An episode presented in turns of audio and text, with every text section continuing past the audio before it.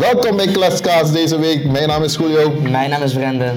Wij zijn vandaag weer, of wel, tenminste, wij hebben weer heel veel leuk nieuws voor jullie. Zeker, zeker. Op een humoristische, Creatieve, ontspannen, leuke, out of the box, ehm, unieke. unieke, oké, unieke manier. En vandaag hebben we Brandon. Yes. Nou, David heeft eh, zijn vakantie, heeft hij ook nodig natuurlijk. Dus ehm, je hebt te maken met ons tweetjes vandaag. Ja. Nou, wie gaat beginnen? Eh, ja, ik wil wel beginnen hoor. Ja? Of je rock, eh, paper, scissors? Ja, dat kunnen we ook doen. Oké, maar ik weet niet hoe je het speelt. nee, we gaan gewoon beginnen. Jij, jij gaat beginnen. Yes, is ja, goed. Oké? Oké, eh, nou, ik had dus een artikel gevonden. Eh, fans boos op Travis Scott na last minute cancelen van show. Oké. En ik merk wel dat best wel veel artiesten dit laatst, of ja, laten gebeuren. Ja. Want Burna Boy was ook in Nederland, hij kwam helemaal niet opdagen toen. Want een aantal vrienden van mij waren er dan. En ze hadden de hele tijd, werden ze wel gewoon opgehuid van ja, Burna Boy komt eraan, hij is er bijna, hij is er bijna. En toen vijf minuten of misschien een half uurtje voordat de show zeg maar geëindigd zou worden, zeiden ze van ja, hij komt helemaal niet meer. Ja. En ja, dit is dan nu ook met Travis Scott zo. Nou, Ehm, wat was de redenen?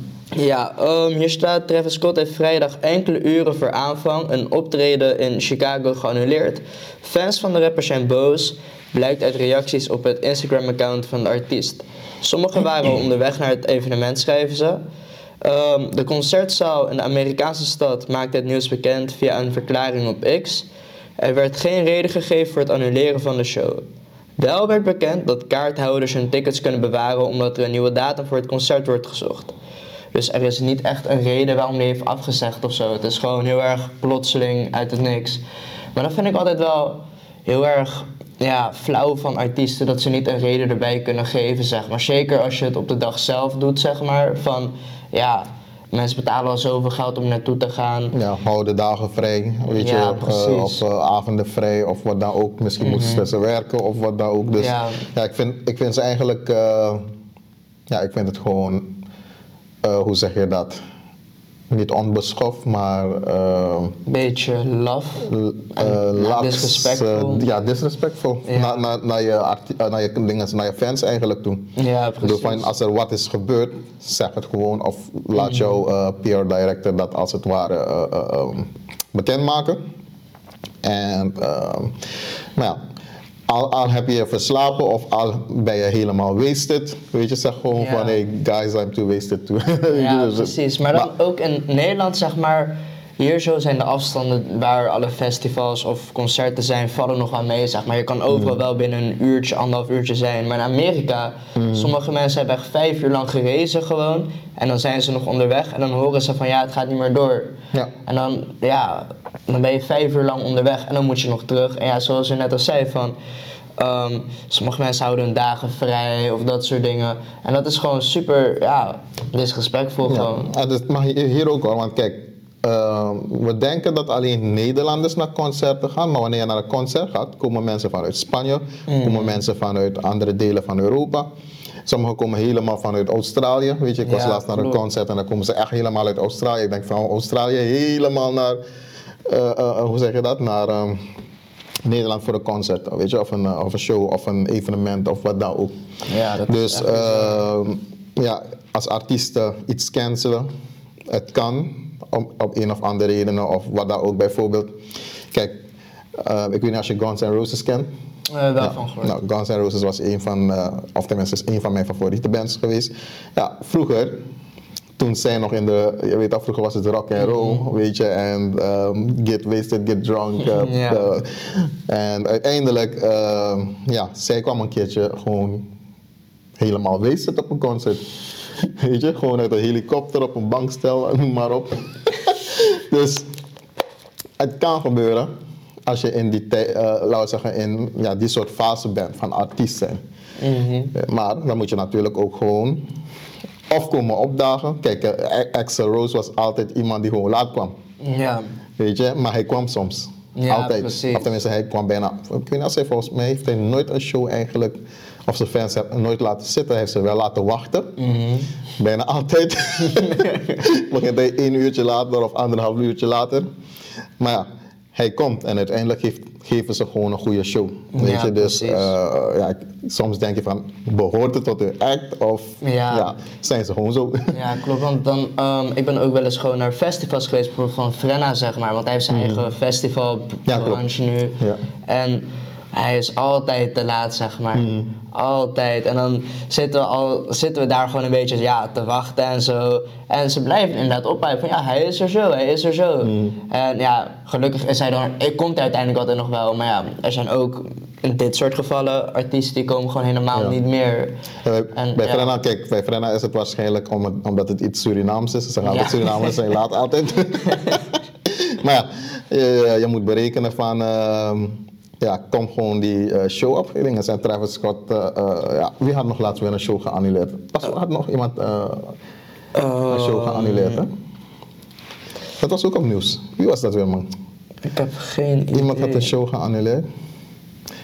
Ik weet in een ander land was, had Blink zijn concert opgezegd omdat eh, eh, Travis Barker naar huis moet omdat eh, dingen zijn vrouw zou bevallen volgens mij. Oh, ja, maar dat- dat is nog wel een En heeft het gemeld, zeg weet je, dus dan fans gaan rekening mee houden. Mhm. ja, behalve Burna Boy was er nog, Burna Boy was er nog iemand die niet was geweest. Laatst, ik kan even niet erop komen, maar ik las het ook weer. Ik zou het ook zelf Maar ook echt niet weten. Uiteindelijk, ja. Wat vind jij van Travis Scott muziek, by the way? Ehm, ik vind het wel wat hebben, maar ik luister ook niet dagelijks naar hem of zo. Hmm. Het is meer van, of heel veel vrienden van mij vinden hem wel echt helemaal geweldig, maar zelf zit ik zo van. Zijn muziek is leuk, maar het is niet dat ik bij per se vrijwillig naar zijn muziek luister of zo, dat, dat ik het in mijn playlist zet. Stel, als ik uitga of zo, ik hoor het, kan ik gewoon meedoen, gewoon leuk, dit en dat, maar zelf, ik ben niet, ik kan mezelf niet een fan noemen, om zo maar te zeggen. Heeft u veel van zijn muziek geluisterd? Of? Ja, ik luister soms wel naar zijn muziek, maar net als wat je zegt, van, ik ben ook niet echt een fan van hem. Of om het zo te zeggen, het is gewoon, ik kan naar alle soort muziek luisteren. Weet je, ehm, ik ben muzikant en ik luister gewoon naar alle muziek. Ehm, en ik luister naar het muziek en ik luister niet naar teksten meestal, omdat teksten soms... ehm, ik, ik luister naar ze en als die teksten me niet interesseren, dan luister ik alleen naar het muziek. Ja, precies. Weet je? Maar als die teksten me interesseren, dan ga ik ook naar die teksten luisteren. En dan ga ik ze ook onthouden. Mhm. Dus als ik naar een Travis Scott show zou gaan, dan zou ik alleen maar dat zeggen. Want ik, ik, weet, ik heb niets Ja. van zijn dingen teksten onthouden. Ja, omdat precies. ze interesseren me niet. Ja. Weet je, En dat dus- was toen ook nog zo met die, ehm, een van de eerdere Travis Scott eh, concerten, zeg maar. Toen, dat was gewoon echt een heel, ja, bijna oorlogsfestijn, gewoon dat mensen overleden Oh werden ja, en zo. Ik had het gezien. Ja, dat was gewoon eh, echt erg. Ja, En eh, ja, je ziet eigenlijk, ja, ik kom uit de security wereld. Ik heb heel lang evenementen gedraaid, weet je, ook met grote evenementen. Eh, ook met topbeveiligingsbedrijven, weet je, die echt ervoor hebben gezorgd, of die constant ervoor zorgen dat de veiligheidsmaatregelen hier in Nederland ehm, uitsteken, weet je. Dus ehm, je, je ziet als je naar een show gaat, voel je je gewoon super veilig hier, weet je. Want beveiliging is op topniveau hier. Ehm, ja, zoals je ziet bij die Travis Scott show enzovoort, dan zie je gewoon dat er security breaches zijn daartussenin en dat deze gevaren er gewoon zijn. ja maar dat, dat- ik denk dat het toen ook erg was omdat het gewoon veel te druk was en zo. Ja, maar dat is het toch van, kijk, je hebt een crowd management, Mm. als het ware, eh, een beleid, en je moet je daaraan houden. En als, je dus als je meer toelaat dan eigenlijk mag, dan ga je deze soort problemen Ja, krijgen. klopt. Weet je, dat, dat, dat zag ik bij sommige festivals ook hier gebeuren. En ja, ik heb heel veel gezien van ja, hoe mensen ook naar binnen kwamen, et cetera. Mhm. Eh, ondanks ze geen tickets hadden, et et cetera, et cetera. Al die dingen zie je gewoon gebeuren. Maar je ziet wat het gevaar is. Dus Ehm, uiteindelijk, mensen moeten begrijpen van, vol is vol. Weet je, ook als je bij een discotheek bent of bij een café staat en die café, café is vol en mensen willen naar binnen komen. Mensen zijn soms gewoon, hoe je, het, ze denken niet over het gevaar. Dus dan denken ze vaak, je wordt geweigerd omdat je, ja, dan beginnen ze met hun, een, hun raceskart naar, naar buiten te halen of hun... eh, hoe zeg je dat, hun bestempelingskaart, dat we ze in hokjes plaatsen. Nee, we plaatsen niet in hokjes. Als het vol is, mag je gewoon niet meer naar binnen. Want het is een gevaar voor de brandveiligheid. Ja, wanneer de pleuris uitbreken, om het zo te zeggen. Ja, als een zaak te vol is, ja, dan gaat gewoon iedereen, eh, hoe gaat iedereen binnen vi- via één of twee deuren naar buiten. Ja, precies. Ja. Dus, en dat, dat is ook bijvoorbeeld bij hem gebeurd, want ja, hoe gaan mensen via de nooduitgangen naar buiten? Of wanneer het te vol is en iemand valt flauw daar, ehm, kan, bij het dansen kunnen ze gewoon verpletterd worden. Of, Ja, maar op. of als iemand een pistool daar trekt op een of andere manier, komt hij naar binnen. Ja, want dat was ook laatst bij eh, I Love Urban, want ik was daar toen. Oh, en ja. toen was er ook een pistool binnengekomen. En normaal zeg maar, merk ik wel, de beveiliging qua fouilleren en zo is niet heel streng. Want soms kijken ze niet eens in mijn tas en laten ze me gewoon doorgaan. Ligt ook een beetje aan waar natuurlijk, want Ja. hoe groot het evenement, hoe strenger ze zijn. Maar heel vaak lieten ze me gewoon doorgaan. Moest ik alleen, nee ik hoefde niet eens mijn ID te laten zien. Alleen mijn ticket scannen en ik kon doorlopen. Uh, maar bij I Love Urban waren ze wel best wel streng. Ik moest alles uit mijn zakken halen, op tafel leggen. Tassen, jassen moesten helemaal leeg. En ja, en uiteindelijk had ik ook wel de video gezien van een van die beveiligingsmensen van hoe het binnen zou zijn gekomen. En dat het ging om zo'n klein pistooltje, zeg maar, wat een sleutelhanger had kunnen zijn. Oh ja, die heb je ook, ja. Ja. Laatst had ik het nog over met een collega van me. Van, eh, er zijn kleine eh, dingen in de omloop, kleine wapens, ehm, die eigenlijk gewoon naar binnen kunnen. Ja, Weet je, en ja, ehm, dan, meestal verwacht je het niet in zo'n grote concert. Maar ja, ik zeg bij in, in, eh, in een urban, eh, laten we zeggen van ook georganiseerd door bepaalde organisatoren, moet je je security level omhoog zetten en eigenlijk 100% controle. Maar je ziet van, het kan ook zijn dat ze 100% hebben uitgevoerd, maar toch nog niet doorgaan. Dus hoe kan, hoe kan je eigenlijk dat eh, voorkomen? Poortjes, detectiepoortjes, eh, poortjes zetten, ik weet niet. Waren detect, eh, detectiepoortjes daar? Nee, hè? maar ze zeiden ook in de video van, want het was in Ahoy. Ahoy is overdag ook gewoon open. Die man zei van, het kan ook zo zijn dat ze het in de middag hebben verstopt ergens. En dat ze het dan later in de avond hebben gewoon op hebben gehaald, zeg maar. Dus ja, dat heb je ook dan weer met de locaties en zo. Want stel het is een openbare locatie, dan kan er al sowieso best wel veel meer gedaan mee worden. Of naar binnen gesmokkeld. En ook via de vrouw. De vrouwen kunnen ook eh, heel veel naar binnen smokkelen. Op Ja. alle soorten manieren. dus ja, 100% ga je nooit krijgen. En je hebt altijd één persoon die het verpest eigenlijk. eh, ja, voor de rest, om het zo te zeggen. Weet je, dan denk je van oké.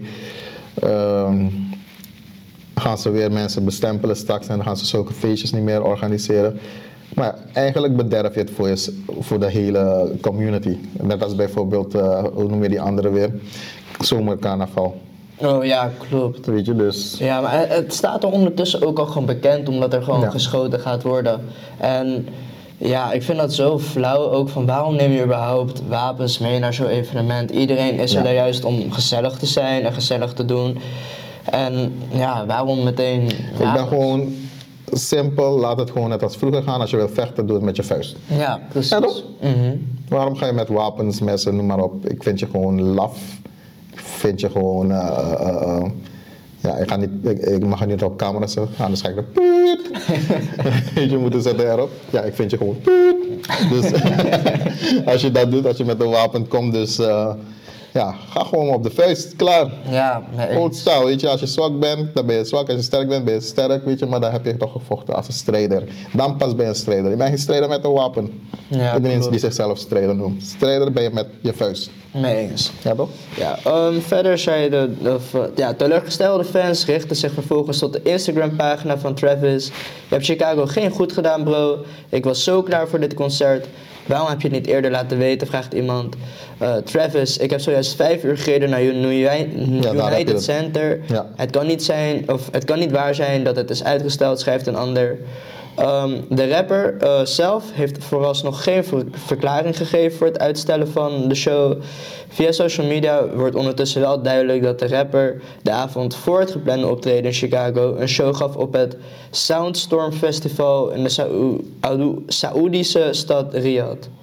Oké. Dus dat kan wel een best wel een grote reden zijn dat hij er niet was. Bij wijze van ja, vlucht te laat. Vlucht te laat of vlucht geannuleerd. Ja, ja.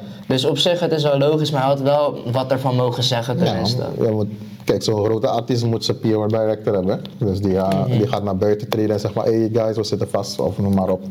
En nu kan, nu kan je heel snel eigenlijk een boodschap naar buiten brengen. Je hebt, je hebt een Instagram pagina. Ja, precies. En je hebt zo'n grote following. Je weet dat mensen eigenlijk afwachten op bericht van jou. Als je één bericht eruit had gestuurd, iedereen had het al gezien. Of ervan gehoord van een of andere manier wel. Ja, Dus slordig gedaan, maar de mensen hebben wel recht om gewoon op het volgende Ja. concert. nou laten we kijken wat zijn excuses. En ja, als het eh, terecht is en anders eh, moet- moeten de fans hem zo zwaar mogelijk bestraffen. ja, klopt. Ja, dat was hem voor mijn eerste artikel. Oké, dus van mij gaat over. Hou je van eh, Surinaams eten? Jawel. Oké. Nou, hier gaat het over. Het komt uit gfcnews.com van Suriname van vrijdag 15 december 2023. Suriname-analyst bekritiseert eetgewoonten landgenoten.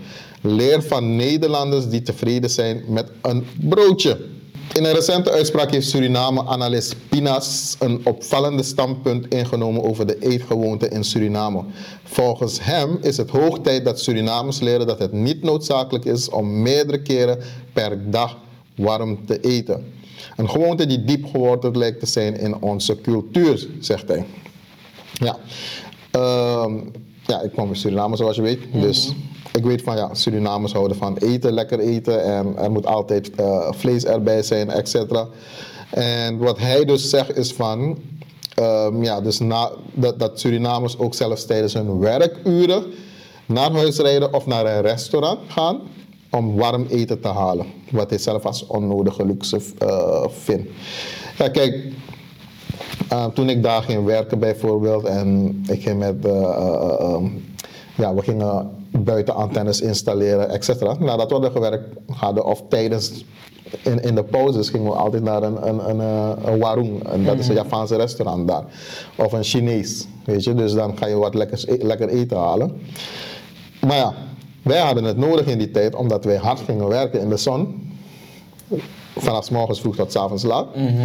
Dus dan ben je constant, heb je gewoon wat, wat stevig eten nodig. Maar, dus uiteindelijk zeg ik altijd van, je, je moet kunnen ontspannen. Maar hij geeft dus uiteindelijk aan dat een simpel broodje al voldoende kan zijn met pindakaas. Ja, ik zelf hou van pindakaas, dus Oh. hij, hij spreekt mij hier niet aan, om het zo te zeggen. Want ehm, ja, hij zegt van, voor velen is dat geen optie. Maar ik hou wel van pindakaas, dus voor mij is dat Ja, wel een optie. precies. Deze voorkeur voor warme maaltijden, vaak rijst met kip, vis, rund, vlees of bami, wordt door de analist gezien als een teken van luxe en overdaad. Hij roept zijn landgenoten op om een voorbeeld te nemen aan de Nederlanders die volgens hem tevreden zijn met eenvoudige maaltijden als een broodje. Velen willen in een luxe leven en eten en soms wel vier keer per dag een grote portie met warm eten. Nou, dat doe ik niet in ieder geval. Laten deze mensen een voorbeeld nemen aan de Nederlanders die zijn al tevreden met een broodje en hebben niet zoveel nukken als mijn landgenoten Aldus Spinas in een interview met GFC. Dus ja, ik zelf Ehm, ja, het Surinaams eten is lekker, maar is ongezond, dat weet ik. Weet je, we hebben al een keertje over voeding gesproken met David erbij. Ehm, maar ja, ik, ik, ik, ik, ik vind dat we wel een beetje bewuster moeten omgaan met onze voeding daar. Want ja, dan verminderen we ook de welvaartsziektes. Want het is eigenlijk geen luxe, het gaat meer om ja, het lekkernij. Ja, precies, klopt. Weet je? klopt. En mensen willen houden van lekker eten en lekker eh, drinken. Fernandes, cola, Marcusa sap, noem maar op. Weet je, dus het moet er altijd bij als je gaat eten. En ehm, ja, toen ik eh, de afgelopen keren naar Suriname ben geweest, heb ik, ja, je mist het eten. Dus dan ga je naar daar en dan ga je uit eten en dan zie je van bam, Ja, cholesterolbommen op je, op je gezondheid. En toen zei ik ook van ja, mijn cholesterol moest ik ook op gaan letten uiteindelijk. Want ja, ik had gewoon een beetje te veel eh, met de petten erna gegooid. En ik ging gewoon los daar met het eten. Ja, maar dat is dan ook weer een soort van vakantie, dus dan mag het nog wel. Maar ik snap het punt wel. Zelf dan eet ik eigenlijk ook alleen maar warm. Bijvoorbeeld gewoon een, een broodje kaas of zo. Dat, dat zie je mij gewoon niet eten, zeg maar. Ik hou... ik hou van kaas. Nee, ik, ik hou echt niet van kaas. Nee? Nee. Ik hou van, echt, ik hou van kaas. kaas, pindakaas. Alle kaas. Ik vind het alleen lekker op. Geen geitenkaas. Nee, daarvan hou ik niet. Ik vind het alleen lekker op pizza of een kapsalon of een tosti of zo. Ja, margarita, heerlijk. Ja. Ik hou van margarita. Maar ja, ik weet niet. Zelf, ik eet eigenlijk altijd alleen maar warm. Er zit niet echt een reden achter, denk ik, waarom ik niet echt koud eten eet. Ik vind het ook, ik vind het wel minder lekker. Ehm, en ja, het enige nadeel vind ik aan altijd warm eten is, het voorbereiden duurt altijd wel wat langer, zeg maar. En ja, op zich, ik snap, ik, snap het, ik snap het punt wel, zeg maar. Zeker als je bij wijze van vier keer op een dag ook warm eet en zo. Dat is gewoon, ja, dat is gewoon best wel veel inderdaad. Dus ja, En je, moet berekenen dat het eten zit vol, vol met niet voedzame voeding, rijst. Dus alle witte, ze houden van alle witte eh, eh, koolhydraten, alle suikers. Alles wordt met suiker gemaakt. Ketchup wordt met suiker gemaakt. Eh, in bruine bonen zet je suiker, in pom zet je suiker, noem maar op. Alles zet je suiker. ja, Dus je bent constant bezig met suiker. Kijk, als je jong bent, is het geen probleem. Maar ja, ik ben nu 40, dus ik moet echt gaan denken van... hé, we moeten een beetje afscheid nemen van het Surinaams eten. ja, precies. als ik nog een paar jaren wil mee eh, Ja. draaien in de wereld, om het zo te zeggen. Ja, precies. Ja, als je er zo ook over nadenkt, van dat overal inderdaad wel suiker zit. En ja, hoe meer je ook, zeg maar, die soorten voeding neemt, ja, zoveel suiker neem je ook in, zeg maar, inderdaad. Ja. Dat is best wel bizar eigenlijk. En heel veel mensen denken er niet over na. Ik denk gewoon van, ja, vanavond gaan we even een snelle nasi maken, snelle bami. En ja, dan zet je eigenlijk best wel veel dingen er al in, waar best wel veel suiker in zit, zonder dat je het echt door hebt, zeg maar. Het vlees is met suiker, ketchup. Die bami is met suiker, ketchup. Noem maar op. Alles wat je dus uiteindelijk zet is met suiker. Dus, Ja, eh, precies. je komt er niet onderuit om die suiker er niet erin te zetten. Ehm, ik heb geprobeerd, of ik probeer altijd, om gezondere versies ervan te maken. Dus ik zelfs bijvoorbeeld, ehm, ik, ik maak gewoon bruine bonen nu met stevia. Mm. Ja. Dus stevia is dus een, een, een plantaardige eh, eh, eh, suikervervanger. Het is een zoetstof. En is, het blijkt het meest ook gezonde zoetstof te zijn. Voor de rest heb je verschillende zoetstoffen daar. En een paar zijn eigenlijk geen goede zoet, zoetstoffen. Omdat ze eigenlijk bepaalde, ehm, laten we zeggen, tenminste, waar ze constant erachter komen na een tijdje, is dat het, en we hebben het ook in een van die vorige afleveringen eh, verteld, ehm, dat het bepaalde ziektes kan eh, veroorzaken. Oh, dus bepaalde eh, zoetstoffen. Weet je, en ik ben al een tijdje bezig met preventief geneeskunde en ja, eigenlijk preventief gezond leven, om het zo te zeggen. Dus ik, ik, ik ben al een tijdje bezig. Als je me op social media volgt, dan zie je van dat ik ook bepaalde artikelen deel of bepaalde dingen zeg. En uiteindelijk zie je dat mensen dan niet luisteren. En na drie of vier jaar komt het naar buiten. En dat zegt één bron het van een bepaalde media, eh, laten we het zeggen, courant of een mediabron. En dat is het gelijk, oeh, we moeten oppassen. ja, precies. Ja, goed, heeft al vijf, bijna vijf jaar terug gezegd. Weet je dus. Maar zo zie je van wat een influencer kan zijn. Nou, ik ben geen influencer, ik eh, hoef het ook niet te zijn. Maar ik ben wel iemand die uit mezelf mensen onbaatzuchtig waarschuwt. Dus als je niet naar mij hebt geluisterd in die tijd, dan is het jouw zaak. Ik heb je gezegd. Ik heb je Ja, ooit gewaarschuwd. Weet je, zo denk Ja, ik. klopt. En dan moet iemand het bevestigen. Maar dat is ook het, het, het, het geval wat wij hebben, ge, of tenminste, wij hebben geleerd in ons leven, in, in business, noem maar op. De mensen die dicht bij je zijn, gaan ook nooit naar je luisteren. Altijd mensen die third party zijn, of eh, zelfs de vier, vijf, zes generaties verder van jou, die, gaan, die gaan pas gaan luisteren naar jou. Indirect. Ja, klopt, klopt. Ze willen altijd confirmation van eh, third party movements. Mhm. Ja.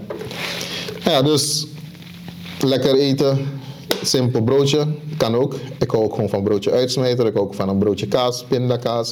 Ik hou ook van een broodje brie, eh, een broodje omelet, een broodje, noem maar op, eh, ehm, eh, oude kaas met rucola en pijnboompitten, ook heerlijk. Weet je, dus Surinamers kunnen daarvan ook gaan leren om eigenlijk ook wat gezondere keuzes te maken in hun brood of hun warme maaltijden zelfs, weet je. Dus, ehm, Ja, precies. ik ben het eens met, ehm, op dat gebied. En ik zou zeggen van geniet met mate nu. Weet je, dus ik, had, ik had één lifestyle advies wat ik altijd mensen gaf. Door de week ben je een koe of een geit. Dus je eet alleen, of een konijn. Je eet alleen maar heel veel groen. Mhm. En in het weekend mag je gewoon lekker genieten van alles wat eh, verboden is. Oké. Dan heb je wel vijf dagen balans en twee dagen aan disbalans. Mhm. Ja, maar ook precies. toch in dat weekend. Niet dat je bommen naar binnen gaat werken. Ja, nee, logisch, logisch. Dus gewoon met maten, gewoon Met ma- maten. dat het genoeg is, zeg maar. Ja. Dus minder koolhydraten door de week, meer groentes, meer fruit en weinig proteïnes ehm, die, laten we zeggen, uit dode lichamen komen. En meer proteïnes die uit planten of dingen, plant-based proteïnen komen. Ja, precies. Ja, maar wat ik ook best wel veel mensen, eh, of ja, wat ik wel eens heb gehoord via eh, ja, een paar fit influencers, zeg maar, van eh, sommige mensen die eten altijd totdat ze echt vol zijn, zeg maar. Maar als je wil afvallen of zo, je moet niet eten tot je vol zit, ook al eet je minder calorieën dan normaal. Eet gewoon wat genoeg is, gewoon een normale portie. Want als je je vol eet, dan, ja, dan heeft je maag ook geen tijd om alles gewoon goed te processen, zeg maar, en zo. En ja, Ja, het, het, het heeft volgens mij een soort memory. Dus wanneer je te veel eet en het is leeg, dan gaat hij moeite ermee hebben, want hij wil meer ook gaan verwerken. Dus dan gaat hij meer en meer willen dat je meer naar, meer, meer, meer naar binnen krijgt. Dat, dat is wat ik heb, heb gezien. Dus wanneer je bijvoorbeeld je lichaam reset door te vasten of wat dan ook, dan merk je ook gewoon van dat je minder nodig hebt om eh, gevuld te voelen. Maar een van de redenen wat ik ook altijd vertel ook, eh, aan iedereen is waarom mensen zich niet gevuld voelen, is puur omdat er in onze hedendaagse groenten, fruit en kruiden, als je het bij de normale winkels haalt, niet genoeg vitamines en mineralen in zitten. En dat is waar mensen mee rekening moeten houden. Want als je dus uiteindelijk ehm, iets naar binnen haalt en het is eigenlijk lucht, dan gaat je lichaam zeggen, waar is die vitamine? En als ze zegt van er is geen vitamine, dan gaat hij zeggen van ik heb honger. En daarom hebben mensen honger eigenlijk. ja precies. En ik heb gemerkt, kijk, eh, ik, weet, ik ga een keertje met je uit eten eh, bij, bij, bij Spirit. Spirit is een restaurant, ik maak geen reclame in ieder geval. ik, ik krijg ook geen, eh, hoe zeg je dat, commissies of royalties van ze. Maar het is gewoon heerlijk. Spirit is een vegetarisch en vegan restaurant met biologisch-organische ingrediënten hier in Rotterdam. Dan ga ik je uitdagen. Je gaat naar de Chinees. Kan ik je garanderen dat je één grote portie helemaal opkrijgt. Maar als je bij Spirit gaat, en daar is het duur, want daar gaat het met gewicht. Eén bordje, als je al eet, ben je al vol. Je merkt het gewoon ook van de kwaliteit dat naar binnen gaat. Mhm. Oké. Ja, want wat ik wel merkte toen ik wat jonger was, zeg maar, toen ik net een beetje ging sporten, toen ging ik echt focussen op gewoon gezond eten en zo. Veel meer groenten dan wat ik daarvoor deed, zeg maar. Daarvoor had ik echt hele kleine porties groenten, maar toen dacht ik van oké, ik ben geen ouder te worden, ik moet ook gewoon meer op mijn voeding gaan letten en zo. En ik merkte ook gewoon dat mijn lichaam veel beter, mijn vel ging voelen ook. En ja, alles voelde gewoon een stuk beter en gezonder ook gewoon. Want ik merk ook aan heel veel mensen die, ehm, ja, als ze koken, of ze koken niet, ze bestellen gewoon. En ja, dat is sowieso niet gezond. En als ze koken, er zit nooit groente bij of zo, of het is nooit vers. En dan zit ik zo van, ik snap waarom jij je zeg maar niet tevreden voelt, zeg maar, of fit voelt of zo. Groente en zo. En ja, het, het doet echt wel, het geeft iets heel erg positiefs aan je. Je moet, je moet gewoon- mensen moeten gewoon proberen. Hoe meer groente je naar binnen haalt, hoe beter je voelt ook. En hoe minder zout. En eigenlijk wat er dus gebeurt als we te veel buiten bestellen.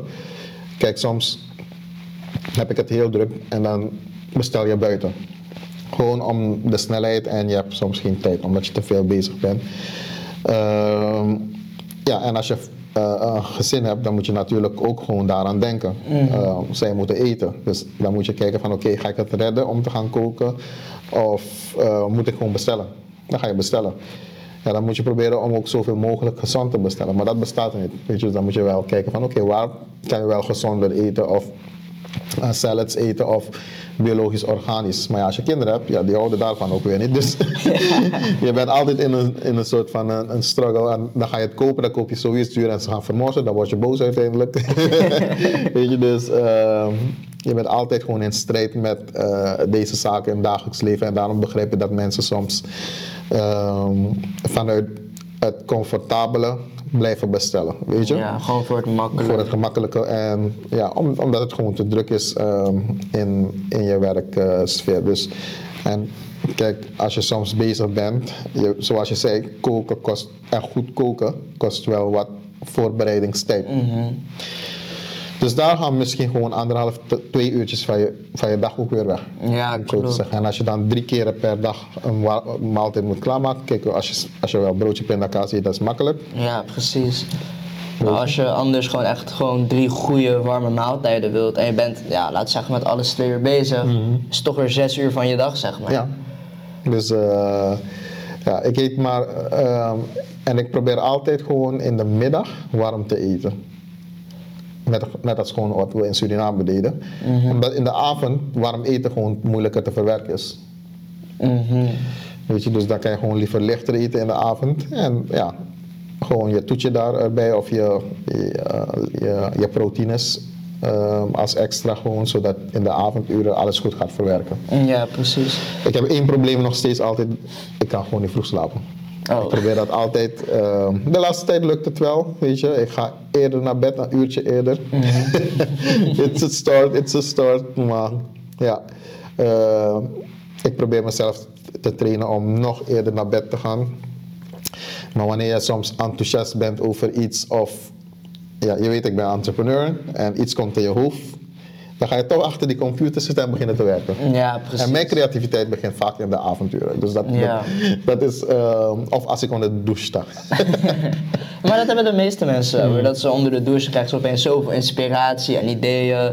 En dat komt ook wel, water is gewoon een hele natuurlijke stof. Of nou, stof. Het is gewoon heel erg natuurlijk. Mm. Ja, de mens is ook heel veel procent uit water en zo. Dus je voelt je daar gewoon meer mee Ja. In balans, om zo maar te zeggen. En daarom komen ook heel veel mensen meer op ideeën, worden ze creatief, kunnen ze meer in hun emotie zijn. En, Ik ja. ook op toilet hoor, zelfs. maar het leuke van mijn job is, ik kan overal werken, dus ook op toilet. ja. I just need my phone. ja, ja. Nee, dus. Maar ja, kijk, je ziet, we gaan van een, een, een artikel over broodje warme maaltijden, over van alles kunnen we nog eh, praten. Ehm omtrent zo'n on- onderwerp. Maar ja, dus eh, het is geschreven door Jennifer Atmo. Die is hoofdredacteur bij GFC News in Suriname. En ze beschrijft zichzelf als een echte Suriname-kenner en heeft passie voor lifestyle entertainment onderwerpen. Ja, dus zo zie je dat mensen soms gespecialiseerd zijn in iets. En ja, ik hou van lifestyle. Ehm, dus eh, een leuke lifestyle hebben, dus eh, genieten van het leven. Ehm, met mensen genieten, weet je, dus enjoy life. En mensen eh, in hun, in hun kracht te zetten om ook daarvan gebruik te maken. Want daarvoor vind ik dat we op aarde zijn gezet. Ehm, om lekker te genieten, geld te maken, terwijl we geld maken, genieten van het geld. Mhm. Want je neemt het niet mee, dus geniet nu. Want je weet niet als je er morgen meer bent en als je morgen ineens op in de hemel op staat. Yeah God, I enjoyed life, thank you for that. I'm done. maar uh, als je niet hebt genoten, dan gaat God zelf zeggen van, ja, je moet terug jongen. of dame. Uh, Alright, dat is van mij. Eh, nu, ja. Oké, nou, ik heb dan weer een artikel. Ehm, Netflix deelt voor het eerst kijkcijfers. Eh, undercover op plek 1876. Ehm, undercover is een Nederlandse serie als het goed is. En Netflix heeft best wel veel series, dus dat is dan best wel hoog dan als je het zo bekijkt. Undercover is een hele leuke serie. Heb je het afgekeken? Nee, ik heb het nog niet Volgens mij is het een aantal seizoenen. Ja. Dan weet ik waar, je- waar, Ja. ik, naar, gaan- waar ik naar moet gaan kijken. Oké, ehm, Netflix heeft voor het eerst in het tienjarige bestaan bekendgemaakt hoeveel er naar bijna alle films en series wordt gekeken. Gisteravond verscheen een lijst met kijkcijfers van ruim 18.000 films en series. De Nederlandse hitserie Undercover staat op plek 1876. Ehm, Netflix gaat voortaan elk half jaar de kijkuren delen van bijna alle titels die de dienst aanbiedt. De BBC schrijft dat de streamingdienst op data van 99% van alle eh, series en films op het platform deelt. Alleen wereldwijde gegevens zijn gedeeld. Er is geen inzage per land. Ja, dat is eigenlijk. Ik heb er nooit echt over nagedacht. Ze hebben nooit echt hun kijkcijfers gedeeld of zo. Het is best wel. Ook wel leuk om naar te kijken, denk ik, als ze dat eenmaal gaan doen.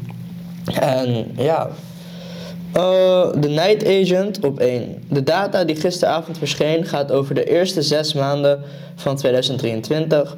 Tussen januari en juni was de meest bekeken titel de politieke thriller The Night Agent, waar 812 miljoen uur naar gekeken werd. Zo. Zo, dat is. Bereken eh, dat hoeveel eh, niet-productieve uren daar weggaan. Ja. Kijk, als ik, ik weet niet hoe jij doet met series. Kijk, ehm, series, films. ehm, ik, hou, ik hou van entertainment. En ik, eh, ja, films, series, die maken ook je creativiteit eh, eigenlijk, of wekken creativiteit in je op. Eh, om het zo te zeggen, net hoe de producers of de filmmakers creativiteit in hun hoofd hebben. En dat willen ze op beeld vertonen. Ehm, maar om dat in te delen in een entrepreneur life, zeg ik altijd van, moet je weten van hoe je het doet. Nou, sommige mensen houden van series elke dag te kijken of Netflix, ik niet. Wat ik doe is meestal van, ik focus eens op mijn werk. Pop. En dan, wanneer er zo'n mooie serie uitkomt als Undercover, dan kijk ik hem helemaal af achter elkaar. Want ik weet van, als ik ga werken, dan ga ik naar die serie willen kijken. Dus wat doe ik? Ik maak hem gewoon af. Dus dan hou ik gewoon een marathon. En ik heb meestal een serie binnen ja, één dag af. ja, precies. Soms eh, blijf ik dat gewoon vier uur in de ochtend op om alles af te kijken. en dan ben ik klaar en dan kan ik gewoon weer voor, voor eh, dingen zoals je zei dat, volledig focussen op mijn business, op mijn werk. Totdat de volgende serie uitkomt. Ja, precies. Nou, hoe lang duurt het voordat seizoenen eigenlijk uitkomen? Weet je, dus dan zie je van dat je dan weer een paar maanden, ma- maanden fully kan focussen. Ja, precies. Ja, zelf heb ik heel erg. Vroeger kon ik wel echt series achter elkaar kijken, zeg maar gewoon echt binge-watchen. Maar ik heb gewoon gemerkt, ik kan dat niet meer. Ik vind het ook niet meer interessant eh, om het gewoon te binge-watchen, binge-watchen, zeg maar. Dus gewoon altijd tijdens het eten, dan zet ik gewoon een aflevering aan. Kan je ben zeggen wat, eh, aan de kijkers wat binge-watchen is. Binge, binge-watchen is eigenlijk gewoon je serie of gewoon een film, serie achter elkaar doorkijken, zeg maar. Dus je kijkt gewoon bij wijze van een heel seizoen achter elkaar door. Of meerdere seizoenen. Daar komt het eigenlijk gewoon op neer. Maar zelf, ik kan dat niet meer. Ik, vroeger toen ik wat jonger was, laten we zeggen 12 tot 16 zeg maar, toen deed ik dat wel echt heel erg. Maar ik heb gewoon gemerkt van, als ik bijvoorbeeld één aflevering ertussen zie die ik niet interessant vind of zo, dan zet ik meteen van oké, ik heb geen zin meer om het allemaal achter elkaar te kijken. Dus ik kijk gewoon één aflevering per dag ongeveer. Dan kan ik het gewoon goed verdelen en ik kijk het tijdens het eten. En het is niet zo dat als een aflevering een uur lang is, dat ik dan een uur over mijn eten doe. Als ik klaar ben met mijn eten, oké, ik sluit de video af. Tenzij het echt heel spannend is natuurlijk. Maar dan zet ik hem af en dan gewoon tijdens mijn volgende maaltijd kijk ik verder. En zo doe ik het een beetje. Want ik merk als ik want er zijn nog wel eens series die me gewoon echt kunnen pakken, zeg maar van oké, ik ga toch wel heel die seizoenen door willen kijken. Maar ik vind dat ik dan niet productief genoeg ben geweest die dag. En dan voel ik me einde van de dag een beetje zo van, eh, ik had ook gewoon morgen die aflevering kunnen kijken, bij wijze van zeg maar.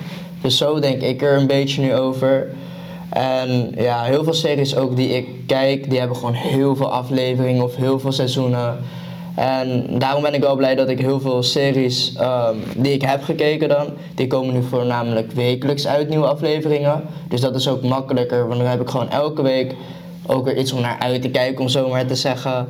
En dan, ja, dan hoef ik niet alles achter elkaar door te kijken. Dan heb ik gewoon elke week een aflevering en dan ben ik daar blij mee. En dan, ehm, ja, Ja, deze series wat ik keek, hadden juist niet veel, eh, hoe zeg je dat? Eh, veel seizoenen of afleveringen.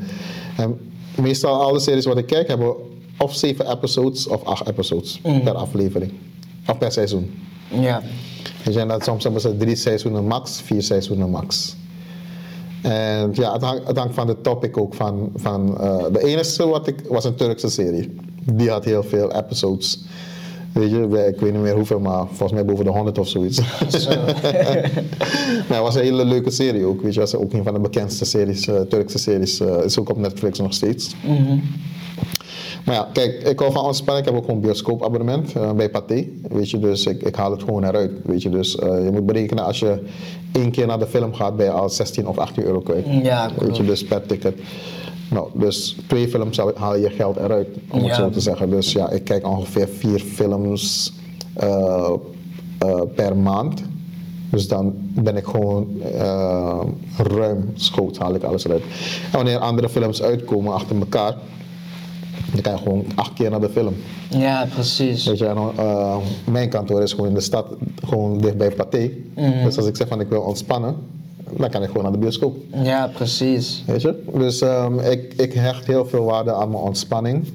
Want dat is wat mensen nodig hebben om eigenlijk te ontstressen. En veel mensen besteden niet genoeg aandacht aan het ontstressen. En daarom zie je dat mensen in burn-outs komen, noem maar op. Eh, je moet gewoon, gewoon goed voor jezelf zorgen op dat gebied. Ehm, en dat kan zijn met een game spelen. Weet je, ik game minder nu, maar ja, ik heb ook gewoon een PlayStation. Ehm is eigenlijk gewoon ook weer overkill. Eh, want ja, ik PlayStation eigenlijk niet veel meer.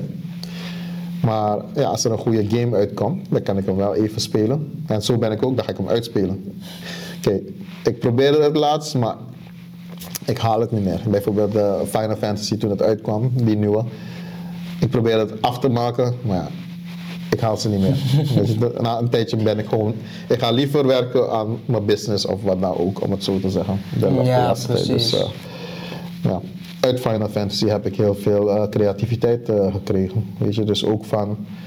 ehm, je ziet ook dat de technologie die erin was sinds kleins af, dat dat ook gewoon nu weer spiegelt op de technologie die er nu komt. Mhm, ja, klopt. Ja, want daar hadden we het vorige week dan over met GTA 5. Hmm. Dat zeg maar GTA 6 nu uitkomt. En ja, er zijn zoveel nieuwe dingen en zo. En je merkt gewoon de kwaliteit, hoe het eruit ziet. Het zag er ook zo realistisch uit in die trailer. Ja, natuurlijk, de trailer zijn de leuke stukjes en zo. Maar gewoon het feit dat ze het al zo realistisch hebben gemaakt, is gewoon echt bizar. Ja, ik hou niet van games die elke jaar uitkomen. Nee, ik ook Of eh, bijvoorbeeld FIFA enzovoort. Dus het is gewoon eh, te veel. Ja, dat, dat is gewoon echt jouw geld in liabilities constant stoppen. Ja, ja maar, maar dat heb je ook met FIFA en zo dan. Het zijn gewoon echt, ja, money milkers eigenlijk. Ja, dat zijn gewoon money milkers, Het is ja. gewoon, elk jaar is het eigenlijk hetzelfde. De graphics zijn misschien een beetje anders, dus zeg maar hoe het eruit ziet. Het is misschien iets sneller, maar het concept is precies hetzelfde, Ja. alleen geüpdate zeg maar. En dat is het mooie aan GTA. Hun hebben dan één, ja, GTA 5 als één spel. En ze hebben gewoon, elke maand voegden ze gewoon wat nieuws toe, zeg maar. En daarom hebben ze ook zo lang erop kunnen draaien en zo. En ja, Ja, dat is wat, wat sommige games ook hebben. Daar hebben ze bijvoorbeeld, voegen ze add-ons, nieuwe levels, Mm. ehm, nieuwe wapens, noem maar op. Ja, dat kan nog. Dan heb je gewoon één game. En dan kan je, kan je het is ook money milking, natuurlijk. Mm. Want ja, als jij een fan bent, kijk bijvoorbeeld ehm, Final Fantasy Online. Daar moet je gewoon een maandelijks abonnement betalen oh joh, oké. om echt gewoon alle content te krijgen en, en meerdere dingen eh, toegang te krijgen tot bepaalde dingen. Toen zei ik van nee, daar, daaraan begin ik niet. Dus dan wacht ik gewoon totdat een volledige game uitkomt en dan koop ik die. Weet je? Ja, Dus, eh, precies. maar ja, het, het, het, ze blijven mooie games, weet je, maar uiteindelijk eh, ja, alle, alle dingen blijven kopen en nog extra items bij kopen, die dingen, ja, dat zou ik echt niet. willen Ja, ja, dat is wel dat, een ding met die gaming-industrie, zeg maar. Ze kunnen zoveel doen waar het geld door blijft stromen, zeg maar. Want ze hoeven alleen maar één ding toe te voegen. Oh, dat kost in-game money. Oké, je kan er een soort van voor grinden om het te krijgen. Maar je kan het ook gewoon een soort van pay to win. Je, je koopt gewoon 100 euro aan punten, zeg maar. En dan kan je het ook weer nemen. Ik heb wel een heel leuk idee daarvoor. Er zijn ook al een paar bedrijven die daarmee bezig zijn in de gaming-industrie, geconnect met blockchain. Ehm, ja, waar je eigenlijk gamers kan belonen. En met die beloningen kunnen ze dus uiteindelijk ehm, ja, hun add-ons kopen enzovoort. En ze geven bijvoorbeeld de gamers de mogelijkheid om bepaalde dingen zelfs, de, de rewards of de coins of zoiets zelfs eh, te minen met hun computers of hun devices. Dus er zijn wat leuke ontwikkelingen in die in- industrie, weet je. Maar ja, uiteindelijk, business is business. Dus wat een business wil doen is ehm, zoveel mogelijk ehm, users hebben en zoveel mogelijk ehm, geld aan de back-end te kunnen maken van de business. Dus dat wil zeggen, mensen, wanneer mensen zijn ingestapt door een game, de achterkant, wanneer ze dingen meer gaan aanbieden aan die user, zodat die user meer gaat kopen, om het zo te zeggen. Dus ja, ehm gaming-industrie is een hele leuke business, maar het kan je ook van je productiviteit weghalen en jouw doelen. Want net als wat alles ehm, is, het kan een verslaving worden, het kan een obsessie worden. Dus daarvoor moeten mensen waken dat ze dus niet verslaafd eraan raken. En dat ze gewoon eh, het als een ontspanning zien. Eh, behalve de, natuurlijk de pro-gamers. Ja, ja dat ze ik zat werk. ook wel te denken van... Ja, sommige gamers dan, die zijn echt goed. En er zit ook heel veel geld nu in de e-sports industrie. Mhm.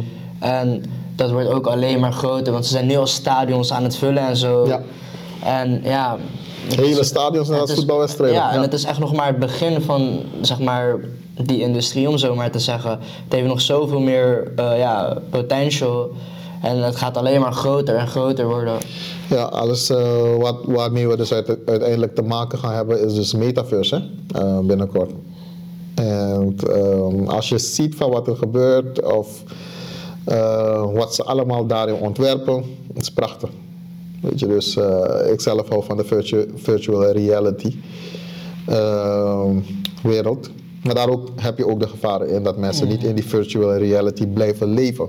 Ja. Weet je, want dan heb je ook weer dat de sociale gezondheid van de maatschappij achteruit gaat. Dus ja, er moet een bepaalde. ehm, kijk, we weten dat mensen schapengedrag hebben. Ja, Weet je, het komt uit vanuit verschillende psychologische aspecten, filosofische aspe- aspecten, religieuze aspecten die vertellen daarover. Weet je, niet, noemen, niet, eh, niet zomaar noemen ze Jezus een herder. Mhm. Maar wat doet herder? Die begeleidt schapen. ja precies. Ja toch? Zo simpel is het. Dus ehm, je hebt altijd een goat of een herder of een leider nodig. En die leider moet die, mens, die schapen eigenlijk ehm, reguleren, om het zo te zeggen. Dus dat ze dus ehm, wanneer er een technologie, ontwikkeling of iets komt, dat het een beetje gereguleerd blijft. Dat, dat het niet ten koste gaat van de mensheid. Ja. Net als bijvoorbeeld sommige mensen zeggen van Julio, ehm, artificial intelligence maakt mensen lui. Ik zeg ze nee, als je het verkeerd gebruikt wel. ja, klopt. Klopt. Weet je, dus ehm, ik heb bijvoorbeeld laatst gedemonstreerd aan iemand hoe je artificial intelligence kan gebruiken. En die kwam, ja, artificial intelligence maakt je niet intelligent. En haalt je creativiteit weg. Oké, dat toen heb ik gezegd, hier is artificial intelligence, maak een logo voor mij. Met artificial intelligence. Ja. Nou, dat is zo gedaan. Zolang je maar de juiste vragen stelt. En Juist, maar dat was het. ja. Want die creativiteit was er niet in die persoon. Mhm. Dus toen zei ik van, hoe kan je dan zeggen dat artificial intelligence je creativiteit weghaalt? Wie moet die opdracht geven? ja, jij als persoon natuurlijk. Juist. En hoe moet je die opdracht geven? Via de AI. Maar, wat, wat nog meer? Eh, ja, de vragen hoe je het zeg maar vraagt aan de AI, hoe je het gaan laten maken, zeg maar. Want stel je zegt gewoon van ja, maak een logo voor mij, dan maakt het een logo voor jou, maar het heeft niks gedaan. Maar stel je Juist. vertelt in detail van ja, ik wil een logo, het moet zo en zo groot zijn, het moet dit en dat hebben, maar het moet ook weer dat en dat hebben, dan En hoe noemen we dat? eh, weet ik niet. Creativiteit. Oh ja. Ja, dus dat zeg ik, want dat noem je creativiteit. Want ja, je kan zeggen van maak een logo voor me. Maar nou, daadwerkelijk als je zegt maak een logo voor me. Mijn bedrijf is dat. Staat voor dat. En de logo moet daaraan gemaakt worden. Met zulke dimensies. Met zulke afbeeldingen. Met dat. Is gewoon je creativiteit is Ja. bezig. Maar het enige wat artificial weghaalt. Dat zijn die programma's. die handen, dat je niet meer hoeft te gebruiken. Maar je mind, je creativiteit, ga je altijd moeten gebruiken. Ja, precies. Dus Als ja, zolang jij niet de juiste opdrachten geeft of niet op de juiste manier vertelt, dan gaat het ook nooit, zeg maar, ja, uitpakken zoals je echt wilt, zeg maar. Van hoe uitgebreider jij met het AI-systeem praat, hoe uitgebreider ze voor je Ja. ook gaan werken, zeg maar. En daarom, als mensen tegen me komen zeggen van, joh, geef me die prompt. Ik zeg van, nee, dan haal ik die creativiteit weg. ja toch? Je moet die prompt zelfs leren creëren. Ik leer mensen dus uiteindelijk praten met AI. Ja. Maar net hoe ik met jou praat, AI is precies hetzelfde. Die heeft zijn- zijn brain, om het zo te zeggen. En jij zit met AI te, te brainstormen. En ja, je kan AI vragen stellen. Die geeft je antwoorden. Eh, Je, je kan AI opdrachten geven. Die kan voor je creëren. Aan de hand van wat jij wilt. En ik heb heel veel getest met AI in de afgelopen jaar. En ik heb gezien van dat ze echt soms bepaalde mensen daadwerkelijk kunnen vervangen. Want soms zit ik gewoon met bijvoorbeeld logo designers. En ik geef ze een opdracht. Een specifiek opdracht. En wanneer ik ze de opdracht geef, vraag ik naar hun creativiteit. En wanneer ze met een resultaat komen, dan komen ze met iets zwaks. Ja. Dan, terwijl ik bijvoorbeeld ehm, een aantal logo's heb gecreëerd met AI. En ik kan je zeggen dat AI komt gewoon met geweldige logo's. Weet je, dan denk je van, oké, why do I need the humans now? For the finishing touch. Dan heb je ze nodig. Kan jij dus dit bewerken? Want AI is niet perfect. Nee, klopt. Dus het enige wat de human touch moet doen, hij moet het gaan polijsten. Ja, om het eigenlijk de puntjes op de i zetten. En dan heb je gewoon de perfecte logo. Dus je ziet van, ehm, je kan AI heel veel werk voor je laten weghalen. Dat je ook eindelijk meer leverage kan creëren met je, eh, je diensten, je services, etc. Mhm. Dus daar kan je ook meer geld verdienen. Zo simpel is het. Ja, klopt, klopt. ja, ik blijf het zeggen, maar ik vind AI zo, het is zo groot. Je kan er eigenlijk alles mee doen. Je kan alles ermee. Ja. Oh, maar oké. Terug naar Netflix. Ja, Netflix. Staking in Hollywood. Het besluit van Netflix om deze cijfers voortaan te delen hangt samen met de twee grote stakingen in Hollywood het afgelopen half jaar. Scenario-schrijvers en acteurs in Amerika legden lang het werk neer. Ook omdat zij beter beloond wilden worden voor het werk dat bij streamingdiensten te zien was. In, de, in die discussie werd Netflix verweten niet open te zijn over de kijkcijfers. Data blijft beperkt. De gepubliceerde kijkuren bevatten geen informatie over het aantal mensen die naar een serie of film hebben gekeken. Ook wordt niet vermeld of kijkers een serie helemaal uit hebben gekeken. Doe jij dat bij Netflix wanneer je de serie af hebt dat je een duimpje of een ding zet? eh, Ehm, als ik op mijn laptop het kijk, dan wel, want dan is het gewoon makkelijk klik. Maar stel ik kijk het via de, mijn tv of zo, ja. dan niet. Want dan, ja, hij gaat eerder naar, zeg maar, naar de knop van, ehm, volgende ding? ja, ga naar de volgende, dan wil je dat nog even doen. Dus, Oh, ja. dat is misschien een goed idee voor Netflix. Als jullie willen voor de kijkcijfers of de ratings van de movies of series, moet je eerst de ratings vooraf Ja, zetten. ja, dat is wel handig, want nu kijk je er heel makkelijk overheen ook. Wie, wie heeft dat eh, beter ingesteld? Even kijken. Volgens mij was er eentje die dat wel goed deed. Want daar vraagt het gelijk van, vond je deze serie goed? Volgens mij Prime of Videoland. Ik zou het niet weten. Eén van die twee volgens mij, ja. Die deed het wel goed. Ja, dat dus. Nou, het lijkt me wel leuk om alles te kunnen zien van, eh, nou, alles, zeg maar, een beetje kunnen kijken van wat er nou echt bekeken wordt en zo en wat niet. Nou, dat is wat, wat trending is. Kijk bijvoorbeeld hier, als ik zeg de, eh, wat zij zeggen, de Night Agent. Mhm. Ja, misschien is het de artikel voor de Night Agent te promoten, Ja, want ik ken het niet.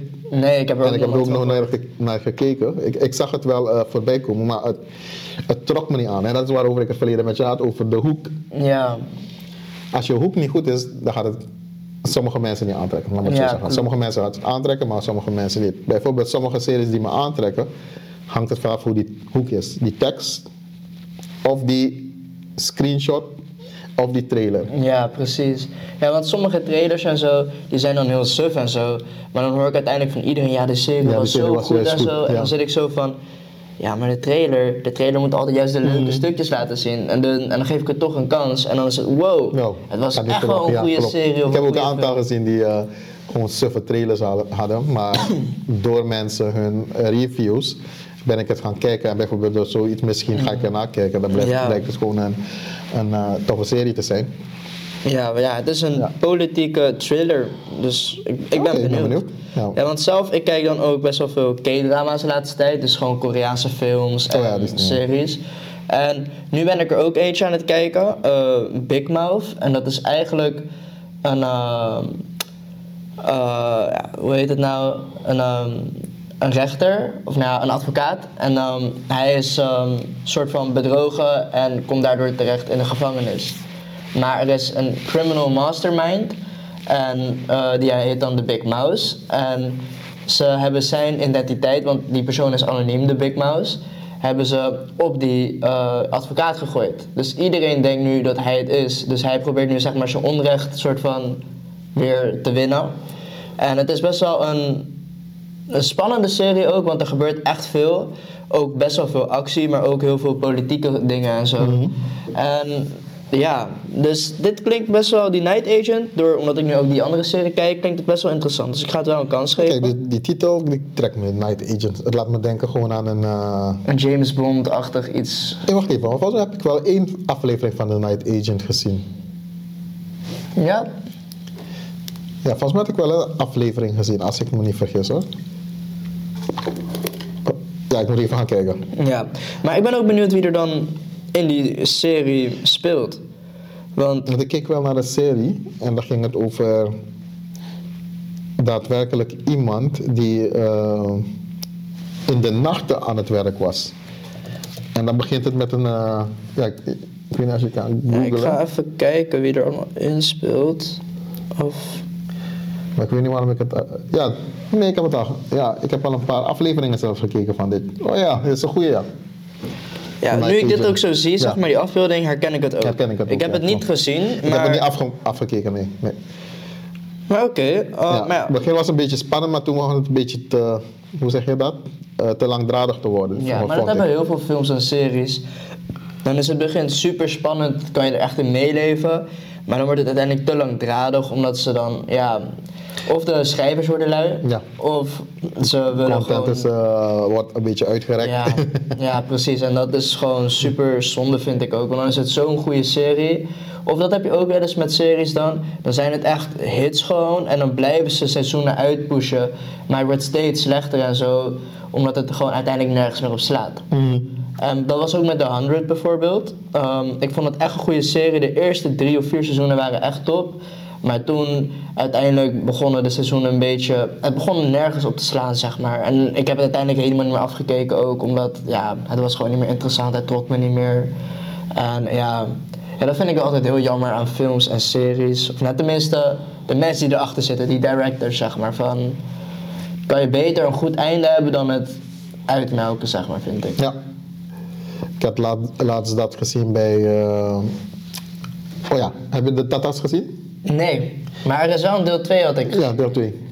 Deel 2 is uit. En ja, dat vond ik van een van de domste deel 2's. Ja? Ja.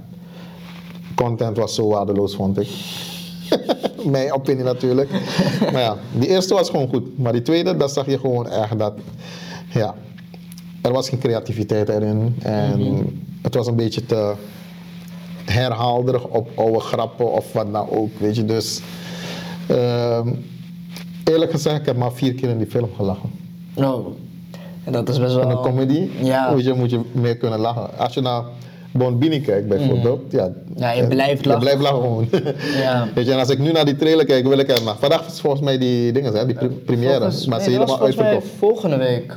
Nee, vandaag. Ja, vandaag? Woens- woensdag is het, eh, komt het uit gewoon in de bioscoop. Had ik me nog die ticket boeken voor woensdag, want ik probeerde de voorpremière binnen te komen. Dus Mhm. Een paar weken terug hadden ze het aangekondigd. Zag ik, oké, tickets waren beschikbaar. Dat toen ben ik gaan werken, weet je, dat, toen ben ik gaan kijken, alles was vol. Zo. Ja, Alles dat was uitverkocht. het Dat is heel snel. van- ja, wow. Ja, Ja, dat is echt bizar.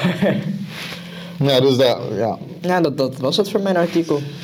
Oké, dan gaan we een artikel hebben over wortelkartel opgerold. Een wortelkartel. Oké. Wat, wat, wat, wat denk je als je dat hoort? Heel veel vragen eigenlijk. Van ehm, ja, is het drugsgerelateerd? Zijn het drugswortels? Of is het gewoon illegale wortels? Of, ik dacht dat ook, dus Ja. ik dacht van Piet Wortel. Je weet wel, Piet Wortel is een drugsbaas, als het ware, volgens nieuwsberichten natuurlijk. Ehm, ja, dus ik dacht zijn kartel is opgerold.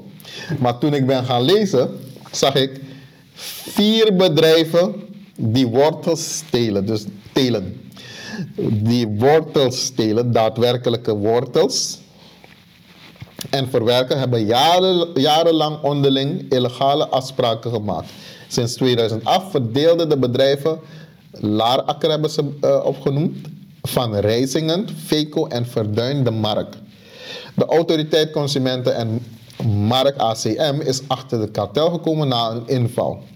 Daarbij werd een A4'tje met af- afspraken gevonden. In die afspraken stond dat Laarakker, Van Rijsingen en Verduin zich konden richten op waspeen. Volgens de ACM hadden deze bedrijven daarmee ongeveer de helft van de waspeenmarkt in handen.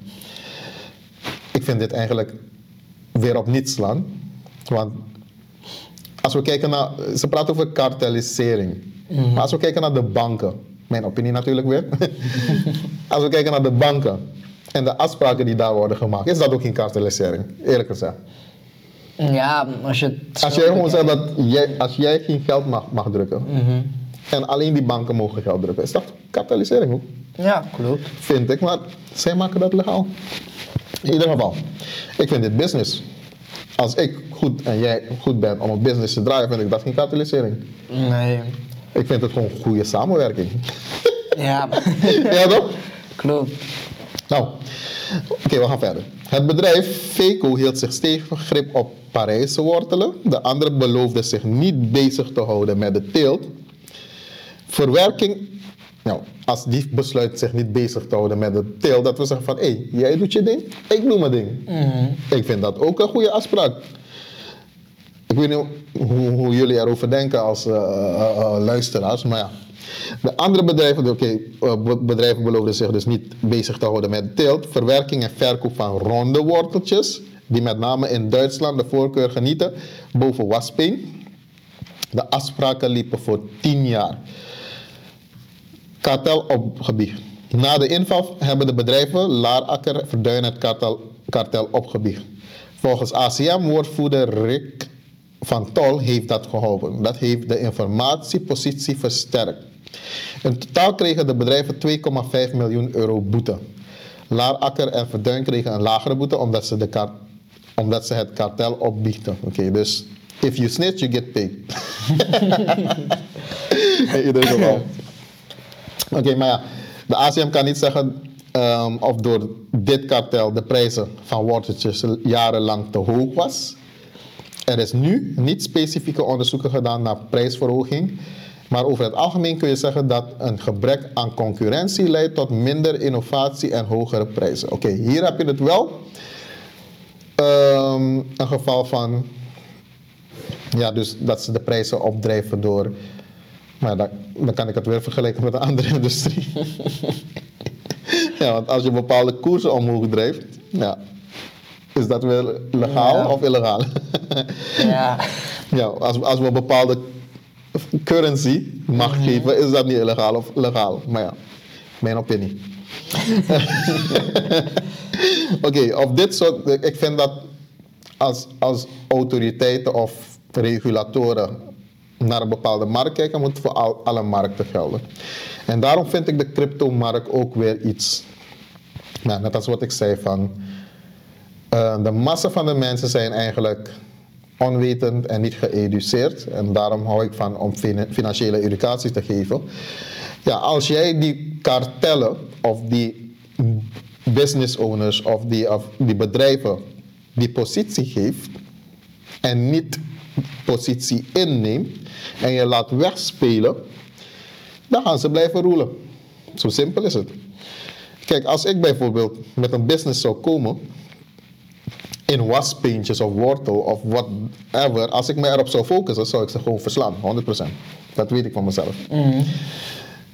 Ik ben niet afhankelijk van mensen en hun ecosysteem.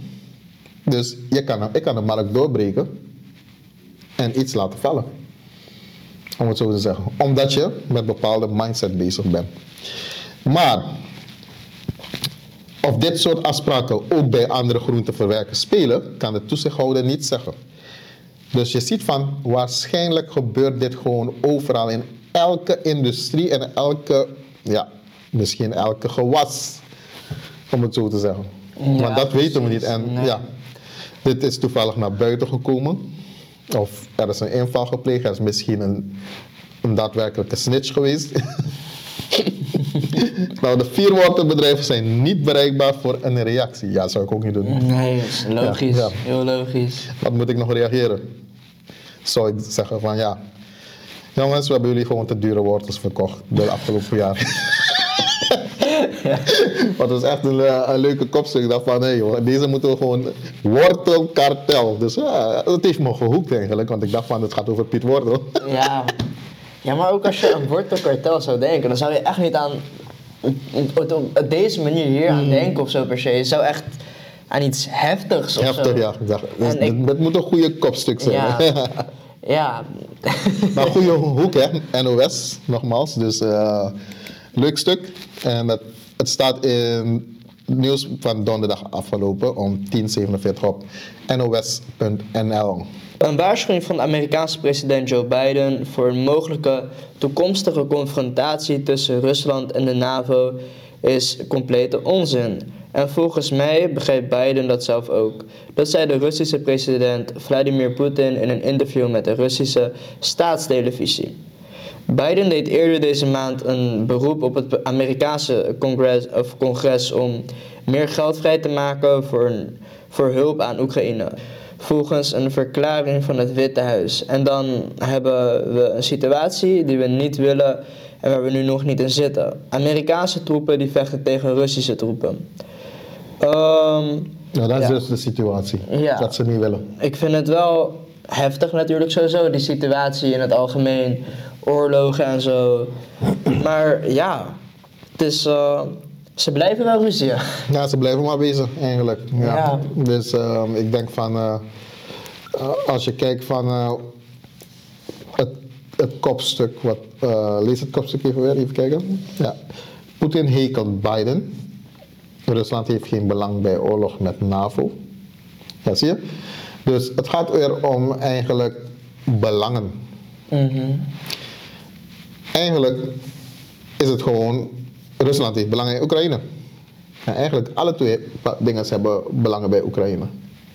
Dus er is iets dat in Oekraïne van groot belang is. ja, Dus het gaat maar constant om eigen belang. Dan zie je van waarom oorlogen ontstaan. Egoïsme, belangen. Waarom kunnen mensen niet iets gewoon delen? Kijk, hierover gesproken zijn we ook nu bezig met een, eh, een oorlog, eh, of tenminste niet een oorlog, maar een conflict over de verdeling van ehm, de Surinaamse grens en de Surinaamse wateren met Venezuela en Guyana, et cetera, et cetera. Dus ik zeg van, in, er kwam een artikel eruit waar over dat stukje van Suriname, die nu aan Guyana behoort. Tenminste, Guyana heeft het opgeëist, om het zo te zeggen, om vanwege een, een ding dat in 19, eh, wat is het, 1945 of zoiets al was besproken. Eh, maar uiteindelijk eh, Nederland dat had bevochten volgens mij ook in die tijd en uiteindelijk het bij Suriname was gebleven. En vandaar dat Suriname die vorm had met een staartje. Nou, dat staartje heb, heeft Guyana dus opgeëist, opgeëist. En dan komt het nu op Google, als je Suriname zoekt, dan zie je dat Suriname, ze noemen nu Suriname gehandicapt.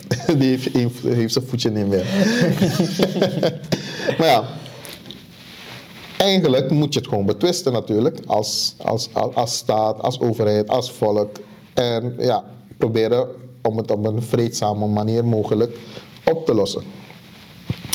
Nou, als we kijken naar de politiek, kan ik zeggen van ze proberen het op een vre- vreedzame manier op te lossen. Want we hebben een president met een Guyanese vrouw. Daar. Dus ja, het kan een goede samen misschien worden Guyana en Suriname 1 straks, wie weet. Wie weet. wie weet. Maar ja, nu hebben ze nu weer iets met Venezuela.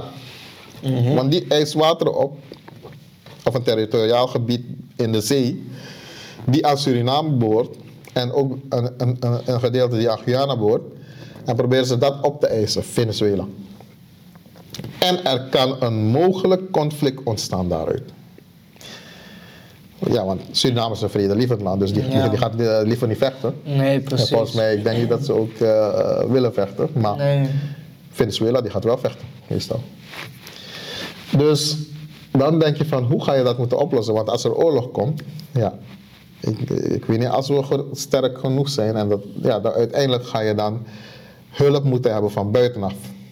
Weet je, dus vanuit of Nederland of een ander sterk land met een sterke, eh, sorry, een sterke ja, legermacht, om het zo te zeggen. Dus ja, je ziet van, het gaat weer om belangen en om controle, om wereldse bezit, om grondgebied, noem maar op. Het blijft maar niet ophouden. Ja, precies. Ik, ik, ik, ik, ik zou zeggen van, eh, voor wie's kust is het? Zo simpel is het. Het is Ja, voor mijn deur, dus het is van mij. Venezuela is al helemaal aan die kant. Hoe gaat hij water eh, opeisen die helemaal aan die kant zijn? Ik zie logica niet erin. Ja, maar dan vind ik het ook nog weer zo van, het gaat om water, zeg maar. Het gaat niet echt om stukken land volgens mij dan. Ja, maar het gaat om wat daarin Ja, gevonden wordt. Dus daar wordt olie gevonden nu op dit moment. Ja, Dus het gaat weer om die oliebelang. Dus je ziet van ja, als iets. Het, het, het, zou, net wat, het zou net als. Laat me een voorbeeld geven. Een heel simpel voorbeeld. Ik probeer altijd alles te simplifieren, eh, simpel te maken. Jij hebt je huis in Capelle. Nu kom ik bij jou kloppen. Brennan, daar onderaan, bij jouw kamer, is er olie en dat is van mij. Zie jij logisch, logica daarin? nee, daar is zeker geen logica in. Nou, dus het houdt zo snel mogelijk op. Ja, Ja, en als die persoon, als ik niet zou willen ophouden, dan zou ik als Brandon mijn buurlanden roepen. Hey, we gaan deze man even eh, een paar Ja, klappen geven hoor. Ja, dat wel. Als hij niet luistert, ja, natuurlijk. Dus oorlog is uiteindelijk last resort, natuurlijk. Maar het moet niet om alles oorlog zijn. Moeten eerst dingen komen, ehm, gesprekken. En eh, we moeten die, eh, jij moet mij laten inzien van, hé, hey, je logica klopt niet, want het is onder mijn huis. Ik heb dit huis gekocht, een paar jaren terug. Hier zijn mijn eigendomsbewijzen. Ik woon nu al 15 jaar hier bijvoorbeeld. ja toch? En niet, na 50 jaar kom, je weer, kom ik weer, ik Brendan. Maar het is nog steeds mee. ja, precies. Dus zo, zo zie je van ja, de mens. Soms denk je van eh, wat zit er in de mens? Of weet je, denk je van eh, sommige mensen hebben waarschijnlijk echt een pinda in hun hoofd. Ja, en dan noem je jezelf leider. ja. Ja, ik zeg En nou, soms vraag ik me ook af hoe zulke mensen aan de leiding komen. ja, aan de leiding komen. maar. Dan denk je van sommige mensen die, die- ja, dat je als leider zulke dingen, eh, uitspraken gaat maken of zulke beslissingen of zulke, noem maar op, wil gaan doen, handelingen wil gaan plegen. Ja, in zo'n geval is het dan ook weer zo van. Het grotere land heeft dan waarschijnlijk ook meer kracht. En dan is het eigenlijk gewoon pesten van de kleinere landen, zeg maar. Gewoon, ja, ik vind dat ik dit mag. Want ja, ik ben groter, wees maar bang voor mij. Is net we noemen dat de uh, bullygedrag, hè? Ja, dus precies. eh, ik ben groter dan jou, ik heb meer vrienden, dus we gaan jouw eh, broodje afpakken. Ja, Klinkt bekend, weet je, er is, een- er is een land die dat eh, heel vaak doet. Ik ga geen naam noemen. maar ja, uiteindelijk eh, heb je dus uiteindelijk eh, ja, hiermee te maken als mens. En ja, bundeling is nodig.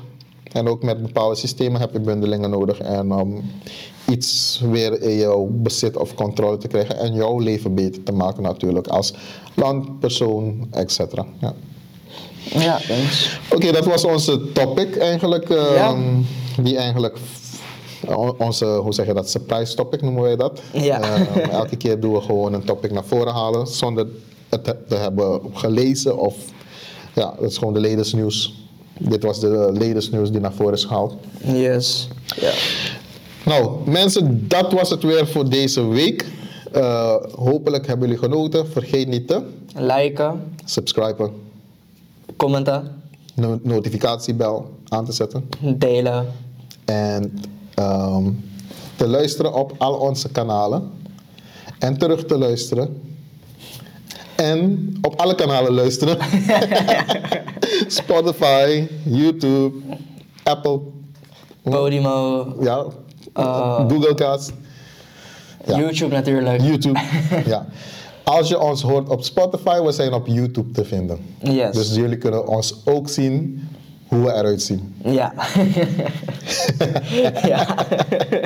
Dus niet alleen horen. ja, precies. Nou, hopelijk hebben jullie genoten. Ehm, ja, comment wat jullie ervan vinden. Als jullie ook gewoon opmerkingen hebben, zet maar in de comments. We luisteren naar. Stuur ons eh, via contactgegevens via de website ook. Daar hebben we ook eigenlijk een contactmogelijkheid. Ehm, wil je ook gewoon een keertje komen kletsen met ons? Ook zet het erin. We gaan ook gewoon beginnen met mensen uitnodigen. En voor de rest, dat was voor deze week. Yes. Tot de volgende keer. Tot Dit was. Kletskaas. Ciao. Yes.